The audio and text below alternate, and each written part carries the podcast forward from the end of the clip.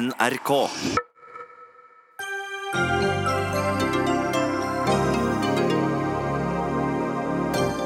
Olemic Thommessen er gjenvalgt som stortingspresident med et knapt flertall. Ikke bare er han kontroversiell, han er også uegnet, kritiserer VGs politiske redaktør.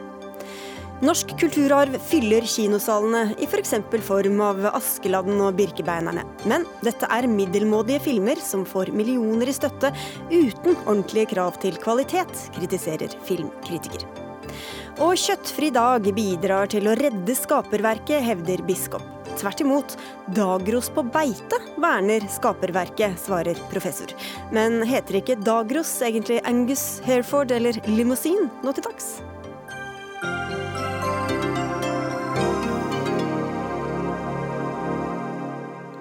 Vel møtt til Dagsnytt 18 i NRK2 og NRK P2, hvor vi også får høre hvorfor kulturministeren kutter støtten til Islamsk råd Norge. Jeg heter Sigrid Solund. Store protester til tross, i dag kunne Olemic Thommessen stå bunadskledd inne i stortingssalen da kongen foretok den høytidelige åpningen av det 162. storting.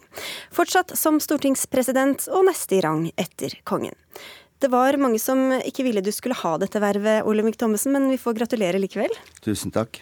Hvordan var det å stå der og vite at nesten halvparten av stortingsrepresentantene ikke ønsket å ha deg i dette vervet? Jeg har i tiden, eller etter uh, valget på lørdag, så har jeg fått uh, veldig hyggelige tilbakemeldinger også fra mange av de som i utgangspunktet hadde ønsket seg en annen kandidat.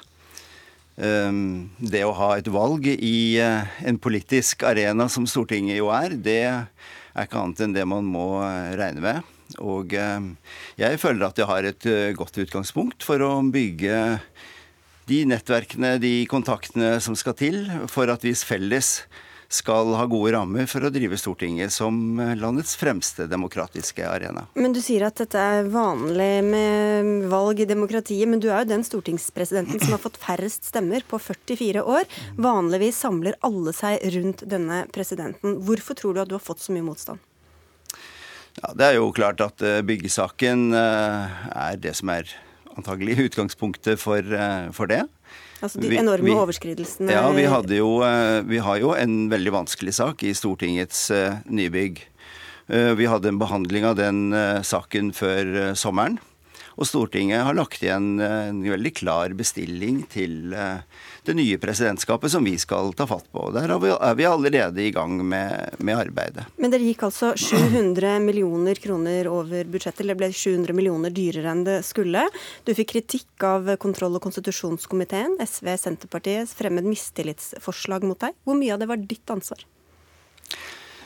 Som leder for eh, det kollegiet som har jobbet med dette, altså presidentskapet, så må du alltid være forberedt på å ta ansvaret. Jeg skal ikke fraskrive meg noe ansvar, men dette er jo en sak som har gått gjennom eh, flere presidentskap, og som i og for seg mange av Stortingets organer har vært inne i opp gjennom årene. Du fraskriver deg ikke ansvar, men du peker på andre? Nei, jeg, jeg syns det er eh, riktig at presidenten tar det ansvaret, men det er altså ikke slik at stortingspresidenten går rundt og bestemmer masse på egen hånd. Det, ikke, det ikke, ligger ikke i den rollen. Men det er klart at det er jo presidenten som står, fremstår på vegne av kollegiet, og eh, altså presidentskapet. Og jeg skal selvfølgelig ta det ansvaret som, eh, som tilligger det. Du har også fått kritikk fra dine egne partifeller. Eh, Michael Tetzschner slo fast at presidentskapet hadde brutt loven i den såkalte EOS-saken, eh, der dere også fikk eh, kritikk fra kontroll- og konstitusjonskomiteen for å ha gått ut over fullmakter og holde informasjon skjult for Stortinget. Hvor godt skjønn vil du si du viste der? Vi har vel ikke gått inn for å holde noe skjult for Stortinget, men jeg tar til etterretning at eh, en del mener at, vi, at informasjonsflyten i Stortinget burde være bedre. Det påpeker Riksrevisjonen også i forhold til byggesaken. Og hvis man nå, eh, når man får statsbudsjettet om eh, to dager, så vil man se at kapitlene som knytter seg til Stortinget, er vesentlig bedre og mer detaljert beskrevet enn det de har vært før. Og, så dette er en eh, kritikk som vi eh, tar på alvor, eh, som jeg regner med også at det nye presidentskapet vil jobbe videre med. Lista er lengre over saker du er blitt kritisert for. I 2014 ville du ikke møte tibetanernes åndelige leder Dalai Lama, som var på besøk i Norge. Han måtte ta bakveien inn på Stortinget. Tidligere hadde du som leder av eh, Tibet-komiteen kritisert den rød-grønne regjeringa for manglende innsats for menneskerettighetene i Kina. Du har også fått kritikk for uriktig å ha trukket inn statsminister Erna Solbergs navn i en privat jakt på en hemmelig familieformue. Ikke din egen, men uh, riktignok en familieformue på 200 millioner kroner i skatteparadiset Girl Guernsey, og du har arrangert VIP-middag i stortingspresidentens private bolig og leid inn sønnen din til å underholde. Hva sier samla sett disse sakene om din vurderingsevne og din, eh, ditt skjønn? Jeg syns nok at eh, en del av de sakene som du ramser opp, de er nok ikke helt riktig beskrevet. Altså F.eks. den siste middagen eh, som det refereres til. Det er at jeg har lånt bort huset mitt til eh, Idrettsforbundet til en middag som de holdt. Og at sønnen min spilte der, det hang sammen med at han allikevel skulle være med på, på lekene der oppe.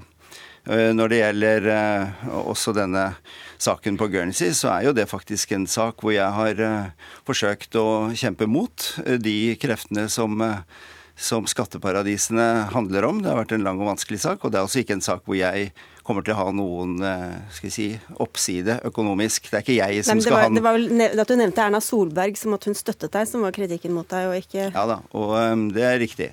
Mm. Jeg tenker at uh, dette er saker uh, som jeg har svart uh, for også tidligere. Mitt utgangspunkt nå er at nå har et flertall faktisk valgt meg som president. Og det viktigste nå, det er jo å bygge gode relasjoner i Stortinget. Eh, vi har store saker å ta fatt på, og jeg føler at jeg har et greit utgangspunkt for å gjøre nettopp det. Min dør er åpen for eh, stortingsrepresentantene og for partiene. Og som sagt, jeg har mottatt veldig hyggelige meldinger, og som også har kommet til uttrykk i mediene, om at uh, Stortinget aksepterer at det er jeg som er valgt som president. Men spørsmålet er jo hvorfor du synes at du er den som er best egnet til å ha dette vervet med alle de sakene i mente? Vi har store og krevende saker å ta fatt på, og jeg tror at det er viktig at vi også har en kontinuitet i presidentskapet. Jeg har eh, jobbet mye med disse sakene og høstet viktige erfaringer. Vi, ikke, vi er ikke ferdig med byggesaken enda. Eh, eh, kommer vi kommer til å fortsette å bygge i de nærmeste par årene. Og jeg mener at jeg har et, trukket viktige erfaringer i det å håndtere de videre. Så disse viktige erfaringene, eh, betyr det da at jo større skandaler, desto bedre erfaringer har man til å lede dette, et sånt verv? da?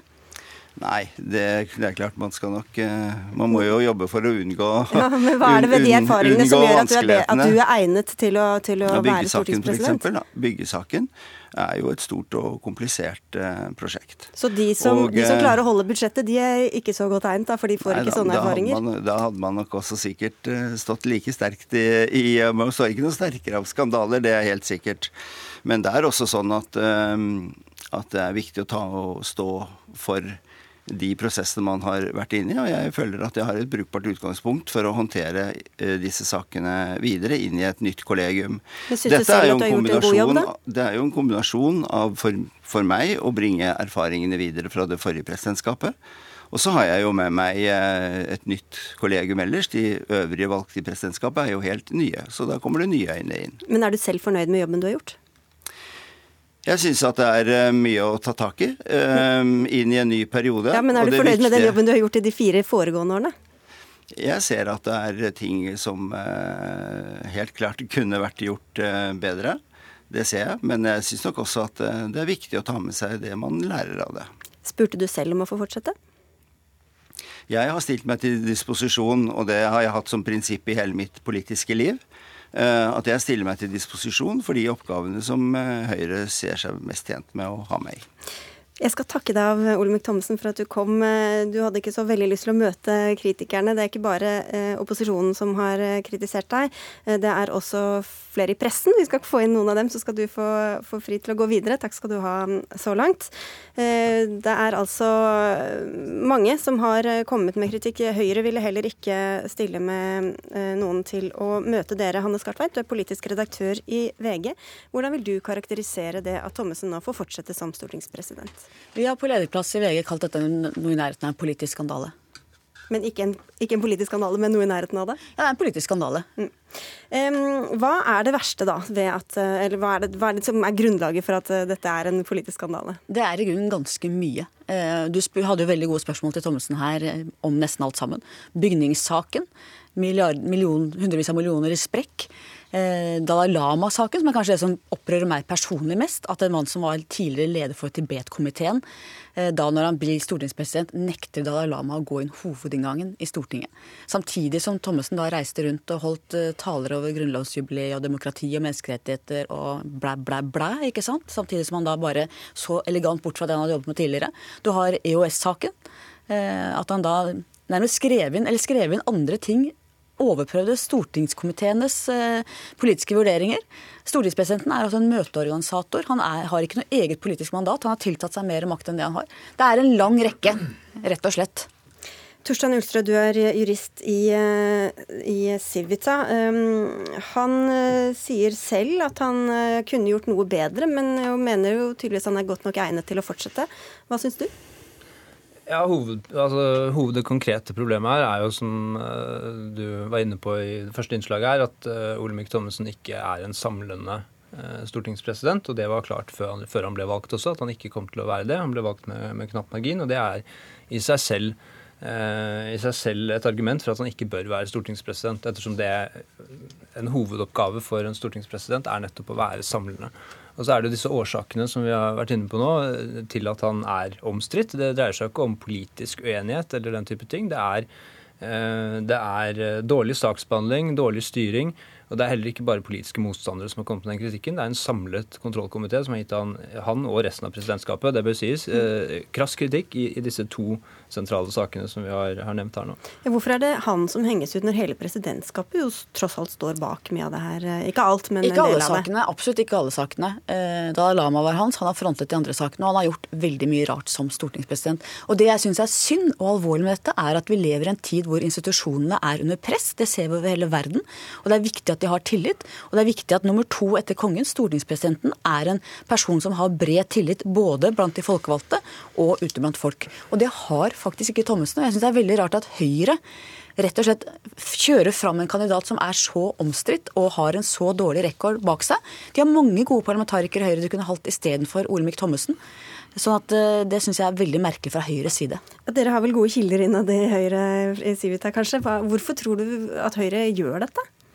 Jeg har ikke lyst til å spekulere i Høyre sine motiver her. Det er gitt en begrunnelse, og den kan alle, kan lese og, tenke sitt. Eh, bare til dette med, med, at det ikke bare er Thommessen som har ansvar, så er det, er det selvfølgelig helt riktig. Men han, man kan alltid peke på andre som har ansvar, inkludert eh, presidentskap, forrige presidentskap osv. Men eh, nå er det også sånn at Thommessen er den eneste av, eh, fra presidentskapet i forrige periode som har bedt om gjenvalg, så det er på en måte litt, er, er ikke så relevant at også resten av presidentskapet hadde ansvar.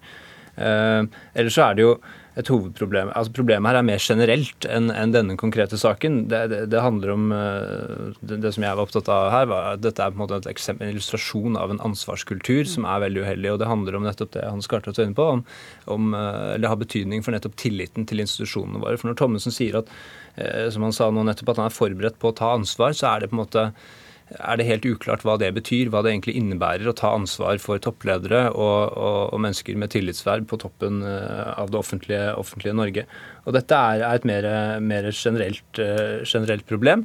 Når det skjer alvorlig svikt eh, i det offentlige, så får vi gjerne en flau innrømmelse av ansvar. og så blir man enige om å forsikre at man skal lære av dette, og så går man videre. og alle alle relevante ledere de fortsetter med sine karrierer som om ingenting har skjedd. Dette er vel noe du også har skrevet om ved tidligere store katastrofer? Skartveit? Ja, der berører du noe veldig viktig, nemlig fraværet av en god ansvarskultur i Norge. Og Vi hørte Thommessen også brukte, sa dette kan vi lære av. Vi hører liksom ekko av etter 22.07. og all ansvarsfraskrivelsen der om læringspunkter. Man skal lære, man tar ansvar ved å bli sittende. Det er altså veldig sjelden at toppledere i det offentlige må gå av fordi de har gjort en dårlig jobb. Og det forplanter seg nedover i organisasjonen. Det er veldig alvorlig. Men han er jo blitt øh, gjenvalgt, da, så flertallet vil jo ha ham. Så vidt. ja, ja, ja, så vidt. Altså, en, denne, altså, prosessen her, Høyre har jo valgt å bruke politisk kapital på å få han gjenvalgt. og Det, det tok de opp i, i første innslaget her. Men, men, det er jeg synes som sagt det er, det er, det er rart at de ønsker å bruke politisk kapital på det. og Og, og det er som Hannes er inne på her, det er, det, er, et større problem her. og Det handler nettopp om den ansvarskulturen som er blitt etablert, hvor 22.07 kanskje er det grelleste eksempelet. og her, her, følger man bare opp. Når Arbeiderpartiet sier at de er overrasket over dette, så jo det, har jo det ingen troverdighet. Det er måte helt i tråd med den ansvarskulturen som de selv har vært med på å etablere. Men hva, hva, skal man gjøre hvis man tar ansvar? Hvorfor er det mer ansvarsfullt å gå av enn å bli sittende og prøve å rydde opp? Ja, det er ikke det at, eh, altså For det første må man jo skille mellom ansvar og skyld for, for toppledere. Det er ikke, man kan ha, du, du har ansvar når du er, er, leder, og stortingspresidenten er også en leder. Eh, det betyr ikke at du er skyld nødvendigvis i all, i all, svikt som har skjedd, eller alle feil som er begått. I dette tilfellet, i Thommessens tilfelle så er det jo en, en god blanding av både skyld og ansvar. Men, men selv, om ikke, selv, om man ikke har direkte skyld i feilene som, som, leder, så har man et ansvar. Jeg tror de fleste forventer at, uh, altså blant befolkningen forventer at når det skjer alvorlig svikt, så bør det, bør det få Eh, bli en eller annen tydelig markering og en tydelig plassering av det ansvaret. Og Det fikk vi ikke etter 22.07, og det har vi ikke fått nå heller. Du nevnte politisk kapital, Hannes Hanne Skartveit. Eh, nå tar jeg det litt fra husken her, men Abid Raja i Venstre sa vel at det var umulig for Høyre å, å gå til gjenvalg på Olemic Thommessen, og så stemmer de for ham allikevel, og Abid Raja får plass i presidentskapet. Hva sier det? det har vært mye hestehandel der. Men jeg tror at mange er overraska over at Høyre faktisk kjørte det fram. Og Venstre har deala og hvila. Det er eh, hestehandling. Eh, men det er jo ikke bra.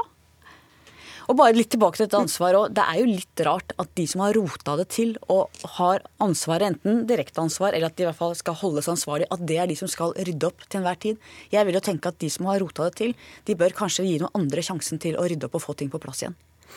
Da får vi se hvordan det går i denne perioden. Og så får vi si tusen takk til dere to for at dere kom. Torstein Ulstrø fra Civita og Hanne Skartveit fra VG.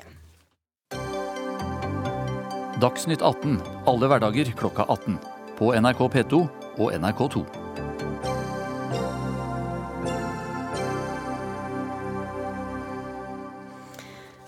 Snart kommer en annen mektig Høyre-politiker i studio for å svare på spørsmål. Da er det kulturminister Linda Hofstad Helleland som skal snakke om hvorfor hun ikke lenger vil gi Islamsk råd Norge statstilskudd, men nå med en helt annen sak, om enn i samme statsråds ansvarsområde. For hvis du er glad i det nostalgiske og nasjonalromantiske, har du hatt flust med filmopplevelser å velge de siste årene. Men forvaltes nasjonalmytene og fortellingene på en god måte i kulturen? Ikke ifølge en kommentar du har skrevet i Dagbladet, der du er filmkritiker Inger Merete Hobbelstad. Først, si litt om hva fellestrekket er ved de filmene du har eh, tatt for deg. Eh, vel, altså Hvis du ser på listen med disse hva vi kan kalle nasjonalmyter, da, så finner du bl.a. Eh, Birkebeinerne, Beatles, Askeladden, Flåklypa-historiene, Hakkebakkeskogen, Mormor og de åtte ungene, Reisen til julestjernen. Da, alle har et forhold til. Som alle, ikke sant? Dette er gamle historier som har gått gjennom generasjoner, som mange har et forhold til som noe spesifikt norsk. Da, ikke sant? Enten det kommer fra norsk historie eller litteratur. Eh, veldig mange av de har blitt fått påkostede filmatiseringer i de senere årene. Og veldig mange av dem har vært dårlige. De er ikke på, slett ikke alle. Eh, men mange av dem har trygt plassert seg under midten eh, når det gjelder, hva gjelder mottagelsen har fått i norske medier.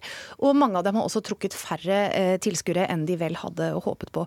Og så har de også et annet fellestrekk, disse filmene. Og det er at de er finansiert gjennom den ordningen Norsk Filminstitutt har, som kalles markedsordningen. Og for å få støtte gjennom markedsordningen, så er det ingen kvalitetsmekanismer på plass, som jo gjelder de andre filmene som produseres.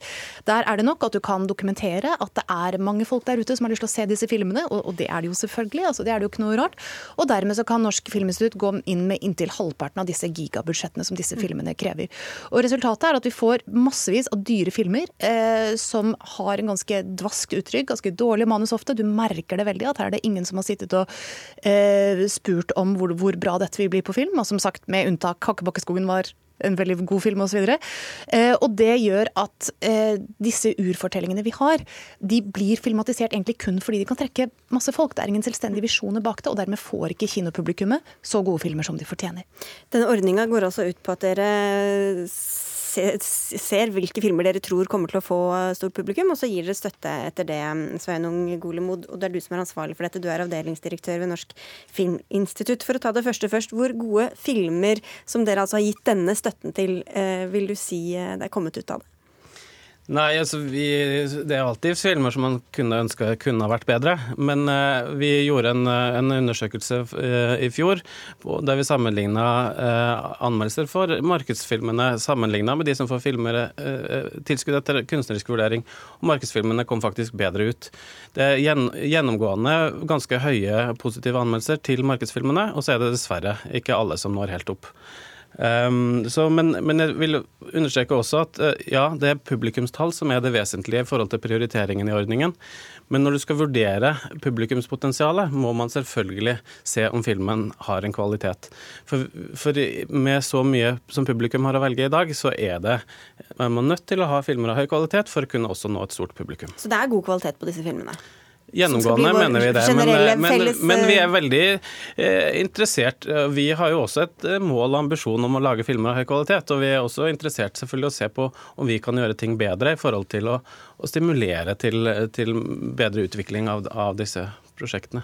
Hvis folk går og ser det, Hobbelstad, kan det være at ditt kvalitetsstempel ikke er det samme som den gjengse kinogjenger vil sette? Eh, du, jeg synes må, Det er viktig å være klar over hva det er et stort antall solgte kinobilletter, hva det faktisk sier og hva det ikke sier. Det de sier er at det er mange som har lyst til å se slike filmer. ikke sant? Det er mange som har lyst til å se Hakkebakkeskogen, lyst til å se Askeladden. Og det, det, har jo jeg også. Jeg ser også at jeg ser dem på pressevisningene. Eh, men det sier jo ikke hva folk syntes om den opplevelsen når de kommer ut. Altså, Det sier jo ikke hvor mange som syns dette var flott. Og jeg for min del tenker at ganske, når Askeladden går jo veldig bra, det er veldig mange som har sett den. Uh, men jeg vil ikke bli overrasket om ganske mange som kommer ut av den uh, kinosalen eh, tenker som så at Eh, at dette kunne vært bedre. Altså, man har jo etter hvert sett andre eventyrlige filmer, fantasyfilmer, og vet hvor gode disse manusene kan være etter hvert. ikke sant? Uh, og jeg tenker også at altså, Ganske mange av disse filmene er jo rettet mot barn. Uh, og det er ikke alltid altså, jeg tenker Når barn gir respons på filmer altså Barn har jo av naturlige grunner ikke de samme, de har ikke sett like mange filmer som voksne. Så det er jo ikke fair å forvente at barn skal ha et forhold til hvor gode filmer kunne ha vært, sammenlignet med det de får servert. Så her tenker jeg at det er voksne mennesker med sine, litt sånn, sine referanser da, og sine liksom, fornemmelser om at historier kan fortelles på gode og dårlige måter, som bør ta ansvar. Mm. Nei, altså, det, Vi er ikke uenige om at kvalitet er viktig. Eh, og, og, og, men, men er publikumstallet et, et eh, kvalitetsstempel i seg selv? Ja, jeg mener jo det. At uh, I fjor hadde vi rekord. Det var solgt over tre millioner billetter på norske filmer. Det største tallet siden 1975. Det er stor interesse for å se norske filmer. Hvis folk hadde opplevelsen av at norsk film var dårlig, så hadde vi ikke sett de, uh, de tallene. Så, så, så, selvfølgelig er det et tegn på at folk har lyst til å se det, og, og, og også at, at um, det, det, gjentar seg. Det har bygd seg opp over tid. Det er et stor interesse for norske filmer. Det Hobbelstad tar opp her er at dette dette er snakk om vår felles nasjonale kulturarv. Fortjener disse filmene som havner i denne kategorien, å representere den kulturarven? Ja, altså det er interessant, eh, og de får veldig mye oppmerksomhet. Det er ca. fire filmer i året som får tilskudd i denne ordningen. De får kjempemye oppmerksomhet og stort publikum. Eh, vi gir eh, ca. dobbelt så mange filmer etter kunstnerisk vurdering tilskudd hvert år. De får mer penger enn markedsfilmene får. Dessverre får de ikke den samme oppmerksomheten, og det syns vi er veldig trist.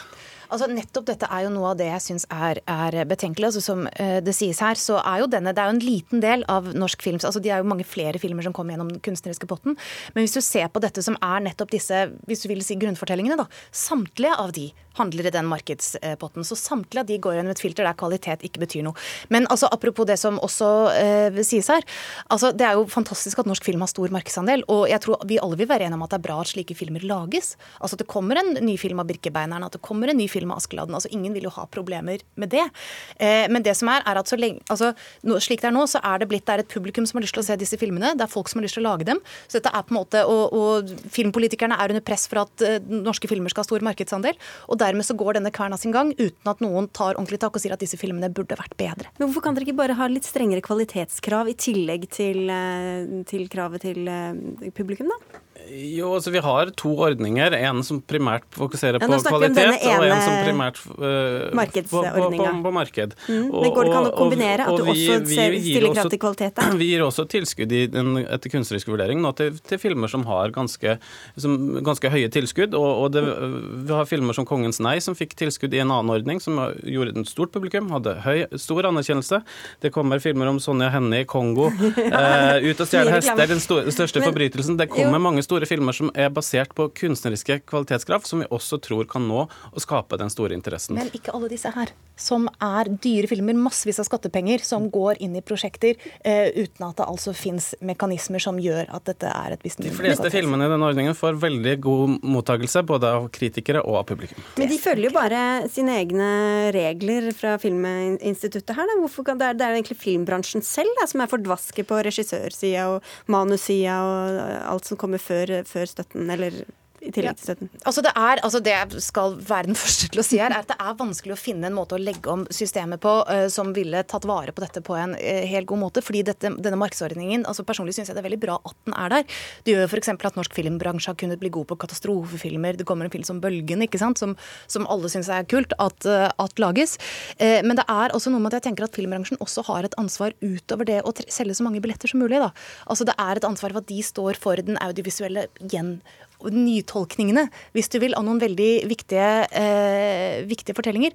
Og jeg savner et bevissthetsnivå om det, at de skal ikke bare selge billetter, de skal også være en del av en kulturarv. Så da er det tilbake til spørsmålet jeg ikke fikk helt, helt svar på. Hvorfor ikke innføre, om ikke de samme kvalitetskravene som i den andre potten, men ha noen strengere eh, krav eller oppfølging også i denne markedsstøttede delen? Ja, altså Vi ser og vi evaluerer også de prosjektene som får tilskudd. Vi har begynt med, med, med grundig evaluering også der, der filmskaperne er til stede, og vi, og vi vurderer våre, våre prioriteringer. Um, og Vi prøver også å se på hvordan vi kan styrke utviklingen og, og, og rundt disse prosjektene, som gjør at de kan få en høyest mulig kvalitet. Nå fikk vi i hvert fall høre mange filmtitler som eh, noen kanskje har lyst til å gå og se. Vi får si tusen takk til dere begge to, Ingen Merete Hobbelstad fra Dagbladet og Sveinung Golemo fra Norsk Filminstitutt.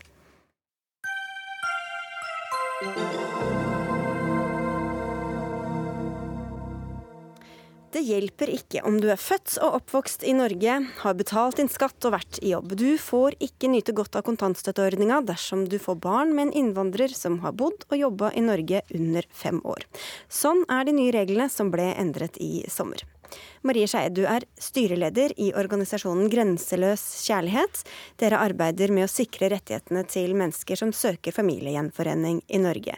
Hvordan eh, oppleves denne endringa i eh, reglene for kontantstøtte for deres medlemmer og de som tar kontakt med dere? Vi har jo mange medlemmer som eh, blir ramma av dette. Og det er mange som opplever at de allerede har fått mange innstramninger i forhold til det med familie livet. Og dette er enda en innstramning som gjør at de ikke har en valgfrihet til å f.eks. få kontantstøtte. Mm. Så typisk, eh, et typisk eksempel ville vært? Nei, det er da at du har gifta deg. Eh, du kommer til Norge med mannen din, eller etablerer seg her. Og får barn etter ett år, f.eks. Da har jo ikke mannen eller kvinnen eh, opparbeidet seg det er fem års botidskravet. Mm. Og da har ikke du rett til å ta ut kontantstøtte. Tror du det er mange som ikke kjenner til uh, denne regelen? Det er jo en helt ny eh, regelendring, så det er nok mange som får et litt sjokk. OK, det er enda en ting som uh, man føler seg forskjellsbehandla på. Kai Morten Terning, du er statssekretær i Barne- og likestillingsdepartementet. Hvorfor innførte dere denne regelendringa?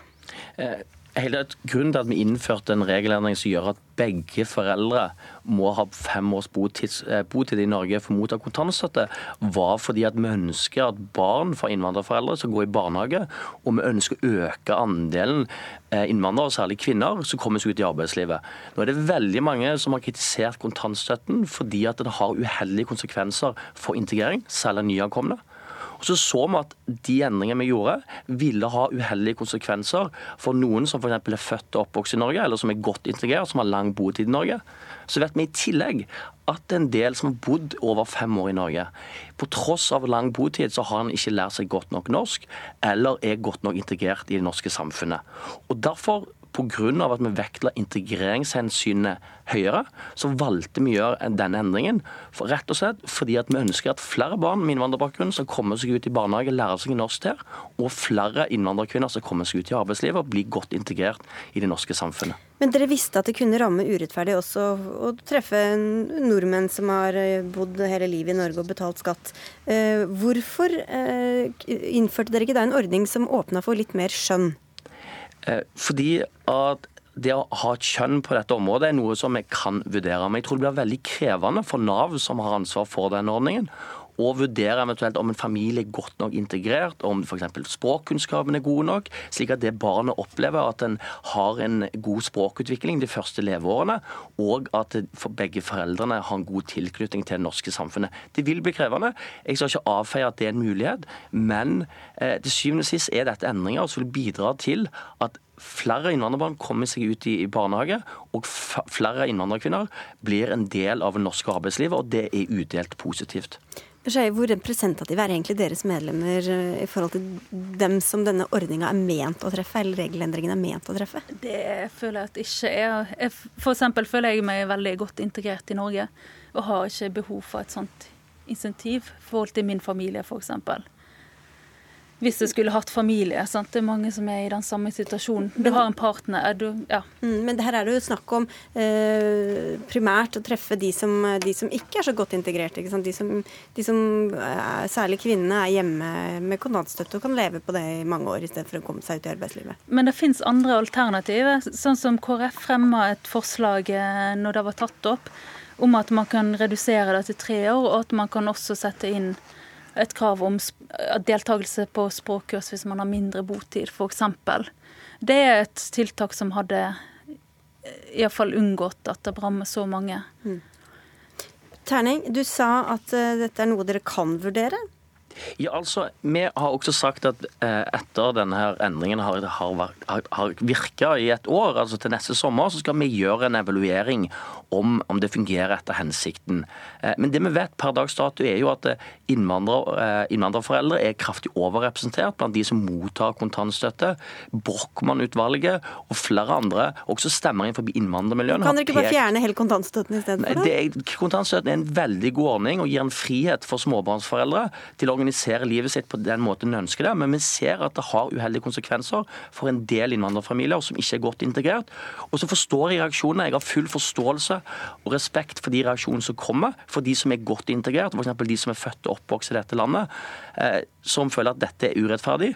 Men vi valgte å legge mest vekt på hensynet til integreringen, og da mindre vekt på at det slo ut negativt for noen andre familier som er godt integrert i samfunnet. Hva med hensynet til barnet, da, som jo ofte er også det argumentet som brukes for kontantstøtten? Hvorfor skal ikke det gjelde disse familiene? I de tilfellene der du har familier som ikke er godt integrert, så er det veldig positivt at barna kommer seg i en barnehage. Men det er jo ikke bare disse tilfellene det gjelder. Det gjelder jo også de som kanskje trenger å være litt lenge, lenger hjemme med moren på, eller faren, ikke pga. Integra integritet, nei, det, integrasjonen, men ja. pga. at de bare er, ikke er klare for å begynne i barnehage. Det, det, forstår jeg. Men vi vet f.eks. bare i Oslo så er ca. halvparten av barn med innvandrerbakgrunn som går i skolen, de må ha eh, særskilt norsk opplæring. Eh, det er en kjempeutfordring som vi må ta tak i. Og da hjelper det faktisk for de familiene som har eh, dårlige språkkunnskaper, og har barna sine i barnehagen, der de kan være en del av et norsk språkmiljø. Som sagt, Jeg har forståelse for at det, dette reageres på for de som er godt integrert, og som behersker godt norsk, og som klarer å lære sine barn eh, å snakke godt norsk i tidlig alder. Men pga. at vi vektla integreringshensyn, så valgte vi å gjøre det slik at begge foreldrene må ha fem års botid. Vi reagerer på at det er, det er en gruppe som blir utelatt fra rettigheter som man faktisk skal opparbeide seg gjennom hele livet. Man har betalt skattepenger. Alle har jo ikke det. Nei, men eh, de som har altså norske statsborgeren som har bodd i Norge gjerne hele sitt liv. Man betaler skatt, man er en del av folketrygden. Og likevel så blir man utelatt fra å kunne velge å ta ut kontantstøtte, hvis man mener at det er for barns beste. Hvordan ville det sett ut hvis man gjorde det for en andre, la meg si pensjonister f.eks., som har trodd at de har betalt inn på pensjonen hele året, og så plutselig sier man nei, men av integreringshensyn så skal denne gruppen ikke få pensjonen sin? Jeg ser ikke helt den sammenligningen. Altså det, det, det, Poenget er bare at du har opparbeidet rettigheter som plutselig blir tatt ifra deg. Ja, altså, men som sagt, som jeg har sagt flere ganger nå, eh, så er det faktisk slik at vi så de uheldige konsekvensene denne endringen ville medføre. Men pga.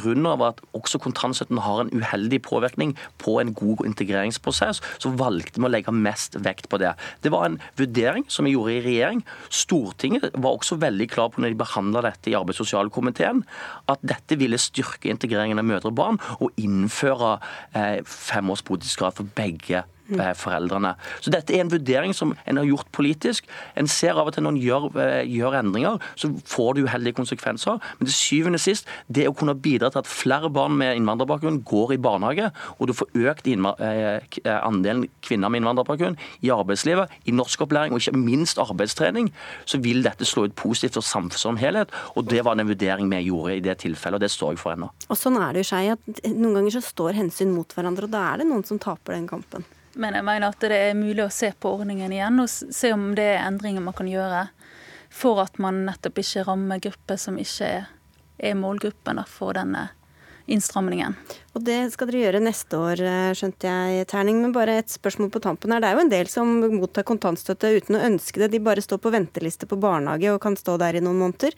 Hvor rettferdig er det for disse, da, som faktisk har en jobb og å komme til, og som ønsker å komme seg tilbake i jobb, og som bare må eh, gå og vente på barnehageplass uten å få noe penger, i motsetning til naboen?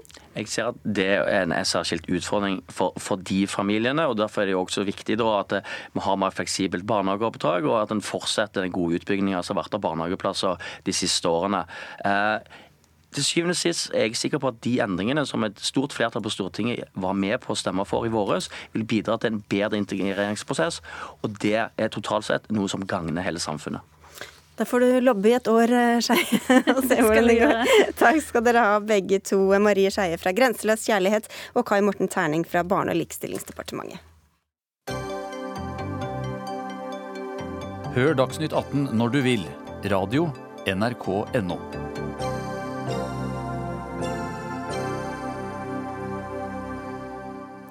Etter et turbulent år ble det klart i dag at statsstøtten til organisasjonen Islamsk råd Norge, IRN, blir stoppet. Regjeringa foreslår for Stortinget at statstilskuddet holdes permanent tilbake til denne paraplyorganisasjonen for muslimske trossamfunn og organisasjoner. En støtte som IRN har fått i over ti år.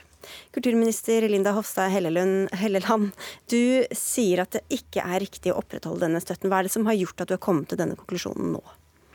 Ja, vi har jo foretatt en eh, helhetsvurdering der det er mange elementer som eh, er vurdert eh, grundig. Og så har vi kommet fram til den konklusjonen at vi ønsker at andre aktører heller skal få muligheten til å benytte seg av de midlene. De siste årene så, ja, helt fra 2015 så har regjeringa økt midlene til tros dialogen for å styrke den med en halv million. Og det er jo fordi at vi mener at i den tida vi er inne nå, så er det viktigere enn noen gang å få spre kunnskap, få forståelse om de utfordringene det norske samfunnet står overfor, og bidra til felles løsninger. Og vi føler at det ikke blir ivaretatt på en god nok uh, måte, og derfor så foreslår vi for Stortinget at uh, midlene stoppes. Hva er det IRN gjør eller har gjort som gjør at de ikke oppfyller disse kriteriene, da? Ja, det er jo som sagt en eh, helhetsvurdering som har gjort at vi kommer fram til den eh, beslutninga. Og så har vi gjennom den siste tida hatt eh, dialog. Vi har vært, det har vært en prosess der allerede i fjor så valgte jeg å holde tilbake støtte. Men hva er delene i den helhetsvurdering? Ja, En helhetsvurdering betyr jo at vi har jo gått en juridisk vurdering som vi har foretatt. Og så har vi fra i fjor der vi måtte be om å få dokumentert at eh, styret var valgt på lovlig vis, til i neste omgang at midlene også da ikke ble brukt til det formålet som de ble satt til. Og til eh, nå da over tid så får ikke vi eh, svar på det vi eh, spør om, og vi er ikke trygge på at de resultatene som vi ønsker man skal oppnå med det dialogarbeidet på tros- og livssynsfeltet, som er så viktig, ikke blir oppfylt. Vi har forsøkt i hele dag å få kontakt med Islamsk Råd Norge uten hell. De kom med en pressemelding eh, for noen timer siden. Der skriver de at de er skuffet, men også at de vil vurdere eventuelle tiltak beroende på begrunnelsen. Så hva eh, kan de eventuelt gjøre for å få støtte igjen? Jeg foreslår for eh, Stortinget at eh, andre må få søke på de midlene som er satt av til det arbeidet, nettopp fordi at de ikke oppfyller det, det formålet for bruk av fellesskapets midler. Og Det er min oppgave også som, som statsråd. Men jeg må prøve å komme, skjønne litt mer av nøyaktig hva det er de har gjort eller ikke har gjort. Er det dokumentasjon, er det det som er problemet? Manglende dokumentasjon? Når jeg sier at det er en helhetsvurdering vi har gjort eh, knytta til de, det formålet som eh, er eh, satt for de pengene, og at de ikke oppfyller det som Stortinget og de kravene som Stortinget har, har satt. Hva er de kravene, da? Ja, Det er jo f.eks. at man skal etablere en arena for eh, forståelse, for eh, kunnskap, eh, for å identifisere felles utfordringer på tros- og livssynsfeltet, for å styrke integreringa, for å finne løsninger. Så har jo vi ellers sett at det har vært eh, splittelse, at det har vært eh, konfrontasjoner, at det ikke har vært samlende. F.eks. at medlemstallet nå eh, er halvert. F.eks. at eh, tros- og livssynsfeltet, altså S, S, samordning av de tros- og livssynsspørsmålene, organisasjonen for dem, sier at det er heller ikke er tillit, og at de vurderer noe eksklusjonsgrunnlag. Men la meg spørre annerledes, hvorfor fortjente de støtte i fjor, da? Det er jo fordi at man har eh, hatt IRN som en paraplyorganisasjon for de muslimske miljøene. Ja, det er de. Og så har det vært eh, stor uh, uro, og, og, flere har også eh, vært tydelige på at eh, IRN de representerer ikke dem som eh, muslimer, og at IRN har tatt en feil retning ut ifra det å representere store, eh, store størrelsen av, eh, av, muslimer i Norge. Så vi har jo sett på alt det her og gått grundig inn i det. og det har foretatt en, en helhetlig vurdering eh, så, som gjør at vi mener ikke det er riktig at de skal eh, få den eh, støtten. Fordi Stortinget har ønska Eh, sammen med regjeringa at det arbeidet her skal styrkes, og det er viktigere enn noen gang. Og da mener vi heller at andre bør få muligheten men, men til å benytte seg av de midlene. Syns du at de har fortjent støtten de siste tre årene dere har gitt dem støtte?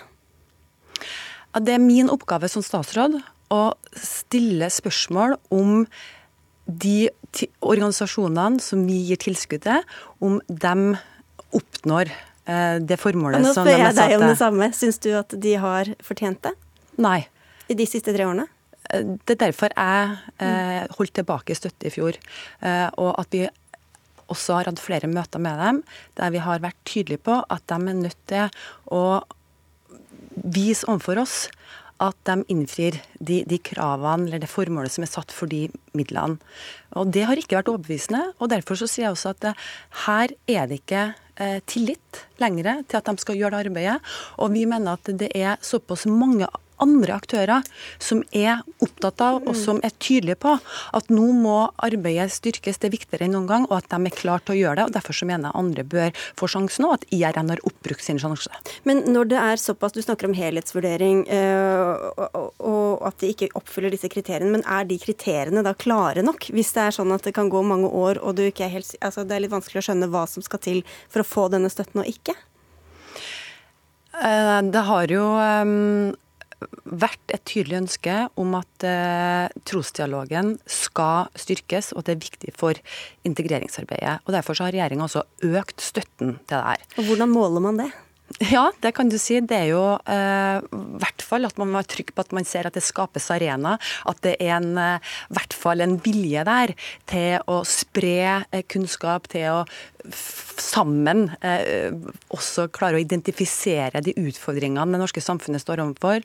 Hvordan skal vi klare å skape eh, forståelse og prøve å finne løsningene sammen på tvers av tros og, tros og livssyn, men også opp mot sivilsamfunnet, opp mot myndighetene. Og Vi har jo sett at den viljen den har vi lurt på om har vært til stede. Og så ser vi også at uh, den siste tida så har det vært uh, veldig stor eh, uro, og vi er ikke trygge på at det er dem som er best til å ivareta og styrke trosdialogen. Ja, for det er jo som du sier, det er jo, noen som, det er jo fortsatt veldig mange som er medlem, eller mange flere som er medlemorganisasjoner enn dem som har meldt seg ut. Men, eh, men, det har jo vært mye uro. Men det har også vært mye bråk rundt generalsekretæren selv. Hvor viktig har det vært, og tilliten til ham som person for, det, for denne avgjørelsen? Igjen må jeg si at Dette er en helhetsvurdering som vi har gjort. Der er det et av elementene? Det er mange elementer som vi har vurdert, og så har vi kommet fram til en samla vurdering. At ikke vi kan eh, forsvare at de skal eh, motta offentlige midler når de ikke eh, oppnår det, det de er satt til å gjøre med Hva med denne ansettelsen av en dame i nikab som skulle jobbe med kommunikasjon? Er det et av elementene i helhetsvurderingen? Ja, det er også en del av det. du, vi får si tusen takk, Linda Hofstad Helleland, for at du kom til Dagsnytt 18 eh, i dag.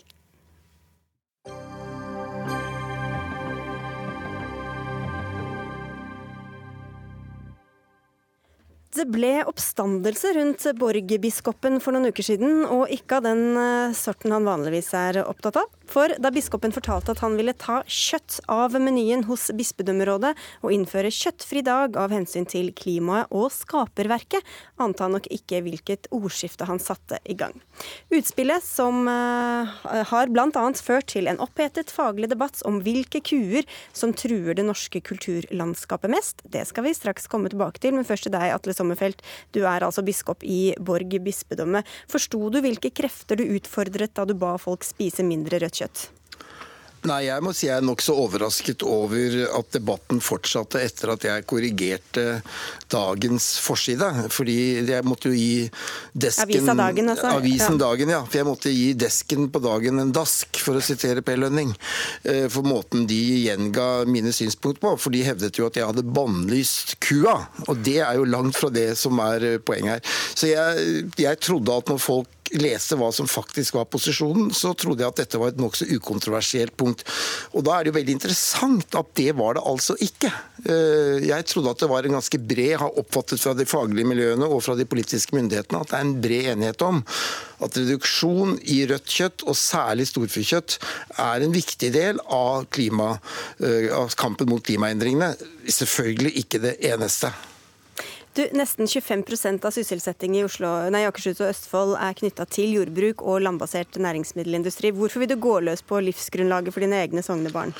Det er jo slik at eh, Jeg var jo i Visitas i Rakkestad, som jo er en av landets aller største landbrukskommuner, og vi hadde mye samtaler omkring dette. Poenget er jo at eh, arbeidet for å sikre landbruket en god næring i årene fremover er kjempeviktig for alle. Vi er alle interessert i, og alle Eh, bør støtte opp om måter å utvikle landbruket på, i en tid hvor vi også må la landbruket ta sitt ansvar for å redusere klimautslippene. Og Den debatten den må sånn som fagfolkene så langt har påvist, også handler om reduksjon i kjøttforbruket. For det er jo slik at eh, når forslaget om å redusere kjøttforbruket én dag, altså ha én kjøttfri dag i uken, som for øvrig Fredrikstad kommune har gjennomført for en god stund siden, det er, det er jo helt nytt at det skulle være noe spesielt for husholdning i Norge.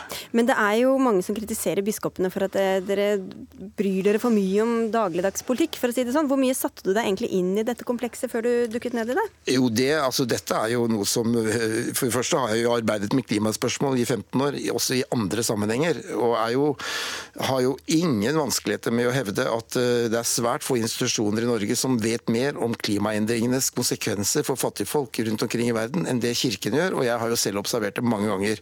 Så jeg har arbeidet med klimaspørsmål i mange år. Og det er godt forankret faglig at eh, så langt da, at rødt kjøtt er av de tingene som man er nødt til å redusere. Ikke avvikle. Det, altså, det er jo noen som mener det, men jeg er altså ikke vegan. Jeg spiser kjøtt med glede, men det kan reduseres. Du, nå skal vi eh, til disse fagfolkene som skal høre om også hvem disse kuene er. Eh, Odd Magne Harstad, du er professor ved Norges eh, miljø- og biovitenskapelige universitet. og Du kastet deg inn i debatten mot Borg-biskopen og viser til at kjøtt utgjør ca. 30% av den landbaserte matproduksjonen i Norge.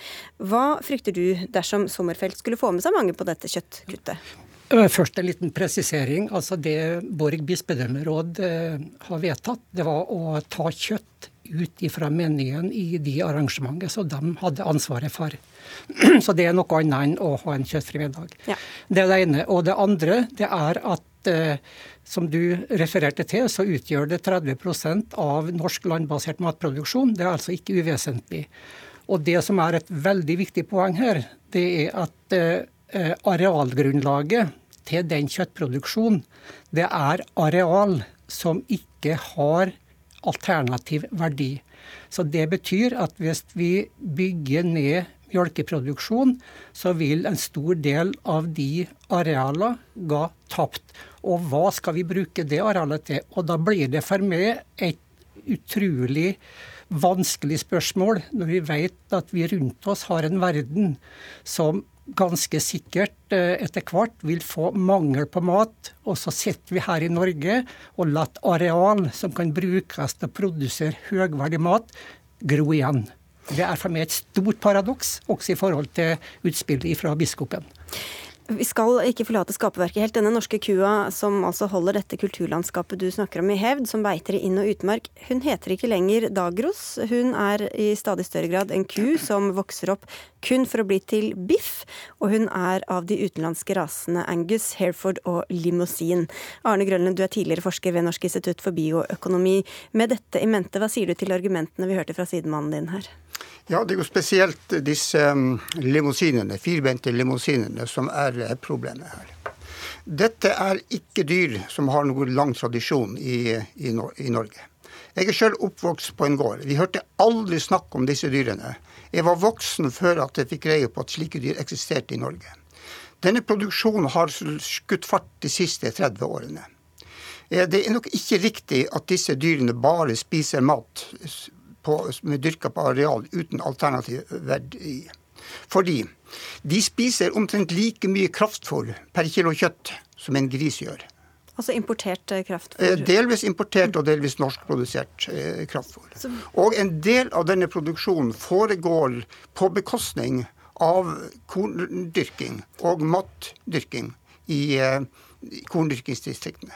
Så det er ikke sånn at det nasjonalromantiske bildet vi har av denne kua som går og eh, som lager melk til oss og rauter litt ned på jordet, det er ikke hun som står der lenger da? Dette begynner å bli et eh, veldig merkelig argumentasjon. For det at i Norge så har vi i årtier, og vi har lang tradisjon på, at vi importerer gener fra utlandet.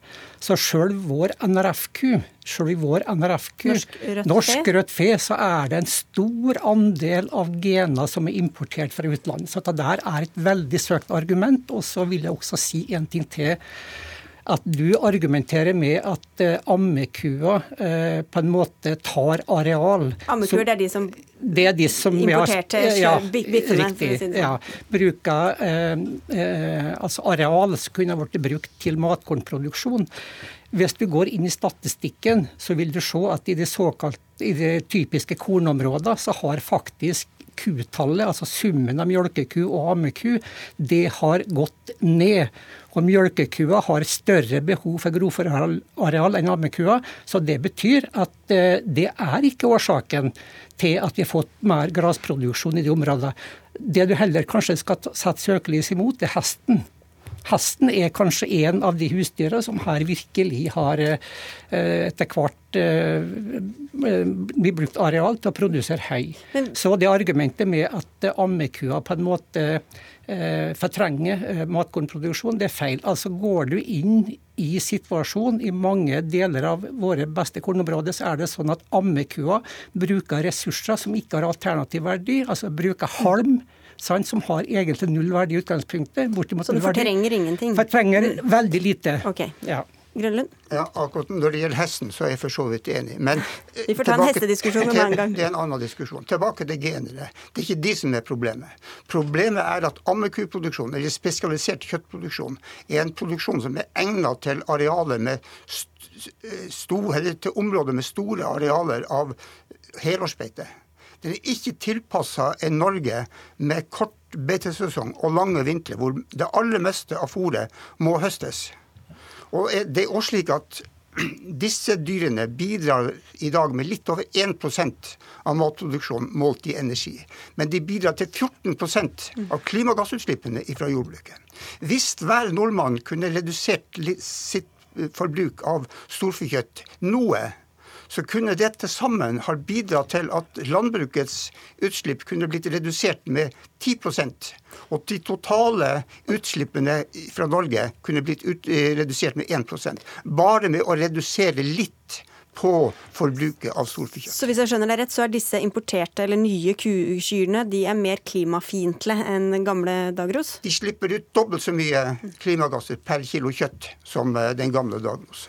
Den gamle Dagros produserer melk på en klimavennlig måte. Det tror jeg vi er enig i. Mm. Men den spesialiserte kjøttproduksjonen er ikke klimavennlig. Men det vi skal, da skal huske på her, det er at mesteparten av produksjon eh, knytta opp mot tammekua, det skjer da altså eh, på, på sommerhalvåret og, og under beitetida. Når dyra står inne, så er det veldig liten fòring, bare for å ha det sagt. Så de lever ikke så lenge? vi, jo, vi men, altså, men, det at de, de kalver, sant, og så selve kjøttproduksjonen, det er stort sett på beite. I et av svarene til eh, Harstad og, og forsker Ola Flaten ved NIBIO, så skriver du at som ekspert på husdyr og representant for kjøttbransjen, Grønlund, så bør de vise, vite at uh, utsagn er misvisende. Uh, mener du at han snakker ikke som fagmann, men som kjøtt... Nei, Eh, Flaten er medlem av Nortura og mm. representerer da kjøttbransjen, i tillegg til at han er eh, forsker. Eh, men tilbake til, til, til ammekuproduksjonen. Den produserer altså veldig lite mat. Den slipper ut store mengder med klimagasser. Den koster veldig mye for samfunnet i, i, i tilskudd ca. 60 kroner per kilo kjøtt. Og det som var misvisende i det innlegget de hadde, det var det at 30 man, altså Leserne fikk inntrykk av at 30% av kjøttet av, av maten ble produsert på grunnlag av gress.